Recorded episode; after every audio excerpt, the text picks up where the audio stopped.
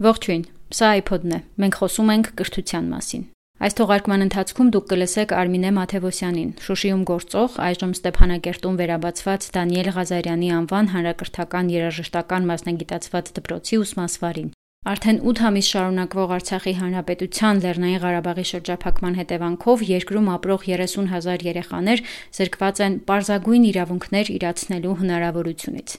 Երբեմն մենք ամբողջապես չենք պատկերացնում, թե ինչ է նշանակում շրջափակում եւ որքան կործանարար այն կարող է լինել հատկապես կրթության համար։ Թերսնված, սոված երեխայից ուսուցիչը չի կարող պահանջել սովորել։ Իսկ Արցախում վիճակն օրհասական է եւ սննդի pašարների մասին խոսելն ավելորդ է։ Այո, այս թողարկումը հեշտ չի լինելու լսել, սակայն կարծում եմ մենք պետք է անենք գոնե նվազագույնը, ապրումակցել Արցախահայությանը այս դժվարին իրավիճակում տոկուն եւ պինդ մնալու համար։ Արմինե Մաթևոսյանը 2019 թվականին Քաշաթաղի շրջանի Իշխանաձոր գյուղից տեղափոխվել է Շուշի եւ այնուհետեւ երբ Դանիել Ղազարյանի անվան դպրոցը վերաբացվել է Ստեփանակերտում, սկսել է աշխատել որպես ուսմասվար։ Շուշիում դպրոցն ուներ մոտ 200 աշակերտ, այնտեղ կար սպորտ դահլիճ, ճաշարան, երկարորյա դասասենյակ, տարբեր երաժշտական գործիքներ, գրքերով հարուստ գրադարան, լաբորատորիա եւ այլն։ Վերջերս նա ամուսնու հետ Սարուշեն գյուղ գնալիս դպրոցը մոտիկից տեսել է։ Ասում է, որ շենքը կանգուն է։ Այժմ նա ապրում է Իվանյան գյուղում եւ պատկերացրեք, որ հուլիսի 25-ից Արցախում չի գործում միջքաղաքային եւ միջհամայնքային տրանսպորտը ու բազում ուսուցիչներ եւ աշակերտներ սեպտեմբերին չեն կարողանալու հաճախել դպրոց, որովհետեւ չկա վառելիք։ Արցախում էլեկտրաէներգիայի անջատումներով պայմանավորված այս թողարկումը չէինք կարող ձայնագրել այն ձևով, որով միշտ անում ենք։ Արմինե Մաթևոսյանը ինքն է ներկայացնում իր պատմությունը, դպրոցում տիրող իրավիճակը եւ թե ինչ հետևանքներ է ունենալու այս ամենը ամենը կրթության վրա։ Այս պահին Ստեփանակերտում մեր դպրոցը շատ փոքրիկ է, ոչ տիպային, կազմված է մի քանի դասասենյակներից, համեմատած այն առաջին տարվան վերաբար երբ բացվեց դպրոցը, հիմա բավականին ավելի լավ պայմաններում ենք աշխատում։ Երբ մարտ ամիսն էր, մեր հիմնադիր տնորենը, գործադիր տնորենի հետ միասին մի փոքրիկ հանդիպում կազմակերպեցին եւ հայտարարեցին, որ նորից կվերաբացվի մեր դպրոցը այս անգամ Ստեփանակերտում բոլորս հուզվել էինք, բոլորս սկսեցինք նորից ողջևորվել։ Երբ 92 թվականին 1992 թվականին մեր հիմնադիր տնորենը պարոն Կարենը այցելելով Շուշի որոշում է, որ այնտեղ պետք է հիմնի ստեղծի դպրոց, որպիսի ապրեցնի Շուշին, այս անգամ նրա որոշումը ապրեցրեց մեզ։ Այսինքն մենք հասկացանք, որ կունենանք մի փոքրիկ Շուշի եւ ամիսներ շարունակ բոլորս անհամբեր երազանքով սպասում էինք, որ երբ պետք է վերաբացվի մեր դպրոցը երբ 2021 թվականի օգոստոսի 26-ին հայտարարվեց մեր առաջին մանկխորը եւ երբ եկանք մենք Տիգրան 626 հասցե մեր տնորենը ծանոթացրեց մեր նոր աշխատավայրին, մեր նոր փոքրիկ անկյան հետ, մեր փոքրիկ Շուշիի հետ, որը տեղակայված էր մի շենքում, որտեղ գործում էր պետական համալսարանի մի ճյուղը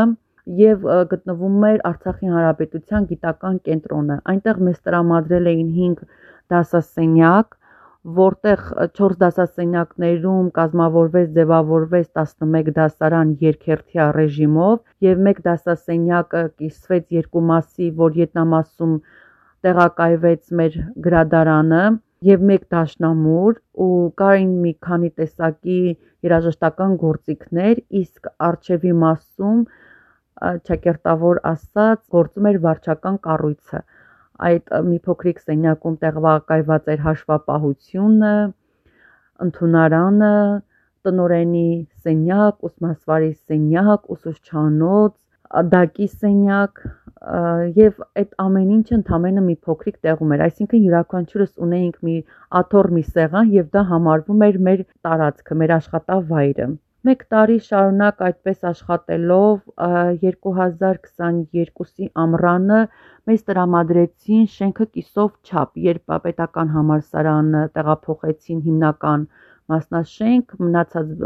սենյակները տրամադրեցին մեզ։ Ամբողջ ամառ աշխատանքներ կատարվեցին արարական եւ սեպտեմբերին ավելի բարվոք պայմաններով նոր թափով սկսեցինք աշխատել։ Մի պահ թվաց, թե որ ամեն ինչ ետևում է, նորից կարողանալու ենք նույն թափով աշխատել, ինչպես աշխատում էինք Շուշիում, սակայն այս անգամ էլ մեզ այցելեց չարաբաստիկ բլոկադան։ Մինչև դեկտեմբերի 26-ը ուսումնական տարվա ավարտը դպրոցի պարենը, քանի որ մեր դպրոցը երկարօրյա էլ ունի եւ երկերտ դպրոց է, առաջին հերթով գործում է հանրակրթական, իսկ երկրորդ հերթում երաժշտական, անպայման մենք ունենք ճաշարան։ Ճաշարանը նախադպրոցական երեխաների եւ երկարօրյայի երեխաների համար գործեց դպրոցի հիմնական պարենի շնորհիվ, սակայն առաջին կիսամյակն ավարտելուց հետո, երբ հունվարին եկանք աշխատանքի, տնորենը նոր որոշում կայացրեց, ցավոք չգործեց ճաշարանը, քանի որ գոյություն չուներ մթերք։ Եվ մինչև փետրվարի կեսերը մենք աշխատեցինք 6-օրյա ռեժիմի փոխարեն հնգորյա ռեժիմով, 45 րոպեանոց դասերի փոխարեն անցանք 30-35 րոպե տևողությամբ դասերի, քանի որ դպրոցում ցուրտ էր, գազամատակարարումն անջատված էր, ջեռուցման խնդիրը կար, նրա համար դասաժամերն էլ կրճատվեցին, այդպես աշխատեցինք մինչև փետրվարի վերջ։ Արդեն հիմնադրամը տրամադրեց ծննդամթերք, նորից բացեցինք նախադպրոցական խումբը, երկարորյան, փորձեցինք անցնել բնականon աշխատանքի։ Իսկ այն օրերը, որ չէինք պարապել, տեղափոխեցինք հունիս ամիս։ Մինչև հունիսի 10-ը բոլոր օրերը հաշվարկով պարապեցինք, ավարտեցինք ուսումնական տարին բավականին լավ արդյունքներով, չնայած բավականին դժվար ժամանակաշրջանում։ Ունեինք բազմաթիվ օլիմպիադաներում տեղեր գրաված աշակերտներ, երաժշտական տարբեր մրցույթներում բավականին լուրջ ձեռբերումներ ունեցող աշակերտներ, դպրոցի առաջադիմությունը 100%, շրջանավարտները 3-ն էին, որից երկուսը ընդունվեցին Մայր Հայաստանի Կոմիտասի անվան կոնսերվատորիա, իսկ մեկ աշակերտուհին տեղի Մեսրոպ Մաշտոցի համալսարան, բայց եւ այնպես այդքան դժվարություններից հետո ավարտվեց ուսումնական տարին։ Սակայն այն օր սկսվող ուսումնական տարվա մասին չեմ կարող այդ ամենը նախանշել, որ մենք կարող ենք պահպանել այդ ամենը կարող ենք շարունակական դարձնել, քանի որ հունիսի 15-ից հետո մեր վիճակն ավելի է բարդացել։ Այսինքն այժմ չի գործում միջանրապետական տրանսպորտը, քաղաքային ոչ մի տրանսպորտ չի գործում, ունենք լուրջ սննդամթերքի խնդիր, պլյուս դրան ավելացել են նաև, որ շուտով երբ որ դպրոցը սկսվի բացվելը կունենանք անհրաժեշտ պարագաների խնդիրներ, դա կլինի դպրոցական համազգեստ, գրենական պիտույքներ, այդ ամենը այնպիսի խնդիրներ են, որոնք պետք է լրջորեն մտածել, որpիսի կարողանանք, եթե անգամ վերսկսվի դպրոցական աշխատանքը, դրանք ամենաանհրաժեշտ պարագաներն են։ Ես օրինակ բնակվում եմ Գյուղ Իվանյանում, դպրոցը Ստեփանակերտում է, երեխաներս հաճախում են այդ դպրոց, եւ ես մտահոգ եմ թե ինչպես եմ հասնելու իմ աշխատանքին, իսկ երեխաներս ինչպես են հաճախելու դպրոց։ Եթե ես տեղափոխեմ նրանց տեղի դպրոց սովորելու, չի ստացվի, քանի որ ես արդեն նախանշել եմ մեր դպրոցը երաժշտական մասնագիտացված դպրոց է, երեխաներիցս մեկը հաճախում է կանոնի, իսկ մյուսը ջութակի դասարաններ։ Եվս մեկ անգամ ոտնահարվելու է երեխաների սովորելու իրավունքը, Այսինքն երեխան արդեն ինքը չի կարող ընտրել, թե որտեղ է սովորելու, ինչ մասնագիտությամբ է շարունակելու, ինչպես դա անում են բոլոր երկրների բոլոր երեխաները։ Դա շատ ցավոտ է, շատ ցավ է պատճառում մեզ, քանի որ մեր երեխաները անգամ տարական սովորելու իրավունքից են զրկված։ Չեմ կարող խոսել նրա մասին, թե ինչպիսի պլաններ կարող են կազմել, որովհետև այստեղ անգամ մեկ օրյա կազմած պլանը ինքը չի աշխատում։ Ամեն ինչ փոխվում է ժամ առ ժամ, րոպե-րոպե փորձում եմ ելքեր մտածել, միջոցներ մտածել, ինչպես կարելի է այս ամեն ինչից դուրս գալ, սակայն բոլոր մտածած զարթուղիները բերում են փակուղու եւ դա շատ դժվար է գիտակցել, որ այսօր մենք դառնում ենք կոպիտ ասած անզոր իրավիճակի հետ չենք կարողանում համահունչ ինչ որ մի բան մտածել։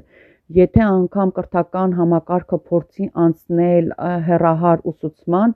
դա այժմ մեզ մոտ չի գործի, չնայած կոവിഡ്յան ժամանակաշրջանում ցույց տվեց, որ դա այդքան էլ արդյունավետ միջոց չէ, քանի որ աշակերտը պետք է շփվի իր համադասարանցիների հետ, իր ընկերների հետ, ուսուցիչների հետ, պետք է այդ շփումը անպայման լինի եւ պլյուս դրան Արցախում առավել եւս այս պայմաններում անհնար է, քանի որ մենք ունենք էլեկտրաէներգիայի ռեժիմ յուրաքանչյուր թաղամաս, յուրաքանչյուր գյուղ տարբեր ժամերի է հոսանքազրկվում ինտերնետ հասկացողությունը կարելի է ճակերտավոր ասել գոյություն ունի հազվադեպ որ կարող ես նորմալ ինտերնետ կապից օգտվել, համացանցից կարող ես նորմալ օգտվել եւ բացի դա էլ տեղ միջոցները շատ սահմանափակ է ոչ բոլորն ունեն այդ հնարավորությունը որpիսի անցնենք հերահար ուսուցման Փաստորեն այսօր ոչ միայն հումանիտար աղետը վերաբերվում է միայն չգիտեմ որ մարդիկ որակավորում են մտածում են որ այ արցախայությունը միայն մտածում է ուտելու մասին ոչ Արցախայությունը չի մտածում ուտելու մասին, Արցախայությունը մտածում է բոլոր ուղություններով եւ այ այս իրավիճակում այդ բոլոր ուղությունները լրիվ փակուղիների արժև է կանգնած։ Լիակատար շրջափակումը բերեց մի այնպիսի իրավիճակի, որ հնարավոր չի, որ դու կարողանաս գոնե մտածես հաջորդ օրն այ ինչ կլինի։ Այ կարելի այսպես արած կամ այնպես արած։ Այդ ամեն ինչը արդեն ոչ մի ձևով չես կարողանում իրավիճակը կառավարել։ Կրթությունը ամբողջությամբ տուժվում է եւ բացարձակապես անհուսալի իրավիճակում է այս պահին գտնվում մեր կրթական համակարգը։ Ես ճիշտն ասած ուշի ուշով հետևում եմ փոփոխություններին Հայաստանի Հանրապետությունում լուրջ փոփոխություններ են սպասվում 2023-2024 ուսումնական տարում բավականին նոր առարկաներ են մուտք գործում դպրոց, շատ դասագրքեր արդեն փոփոխված են, այսինքն եթե այսպես շարունակվի մենք չենք կարող անգամ այդ դասագրքերը ձեռք բերել։ Վաղը մյուս օրը երբ որ երեխան գա հասնի ընդունելության շեմին, դա արդեն կթողնի իր բացասական արդյունքը։ Այսինքն մենք միշտ օգտվում ենք Հայաստանի Հանրապետության կրթական համակարգից եւ միշտ երեխաները մասնակցում են միասնական քննությունները կազմակերպված Հայաստանում կազմակերպված քննություններին են մասնակցում, օլիմպիադաներին եւ այլն, իսկ եթե դասագրքերի փոփոխություն տեղի ունենա, նորարարական առարկաներ մտցվեն կրթական համակարգ, մեր երեխաները այդ ամեն ինչից զուրկ են լինելու, զրկված են լինելու։ Այսինքն 30000 երեխա փաստացի զրկված է նորմալ մարդկային կրթությունից։ Շուտով սեպտեմբերն է, այո, շատ դժվար է մտածել, որ ուսումնական շրջանը սկսվելու է եւ այս բազում խնդիրներով եւ պլյուս դրան էլ շատ հաճախ եղել է ժամանակ, երբ որ նայել են երեխաների դեմքին, հուզվել ենք, չենք կարողացել շարունակել, անգամ եթե ուզեցել ես դիտողություն անել, բայց որ պատկերացրես այ կարող այդ երեխան այդ օրը սոված է անցկացրել կամ երեխան տականալու հնարավորություն չի ունեցել, այլևս չես կարողացել ինչ որ դիտողություն անել, պապանձվել ես անկախ քեզնից։ Չեմ պատկերացնում ինչպես է սկսվելու նոր ուսումնական տարին։ Ես չեմ պատկերացնում ինչպես է դա տեղի ունենալու կրթության մեջ ոչ թե միայն բուն ակադեմիական կրթությունն է մտնում, այլ կան արտադրոցական միջոցառումներ, էքսկուրսիաներ, ընկերական հանդիպումներ, այսինքն որևիցե մի նախագիծ հնարավոր չի իրագործել ընդհանրապես, ոչինչ հնարավոր չի իրագործել։ Պետք է բացվի կյանքի ճանապարհը դեպի կապը Մայր Հայաստանի հետ, քանի որ Արցախը սնուցվում է Մայր Հայաստանով։ Սա iPod-ներ։ Մենք խոսում ենք կրթության մասին, երբ կրթությունը շրջափակված է։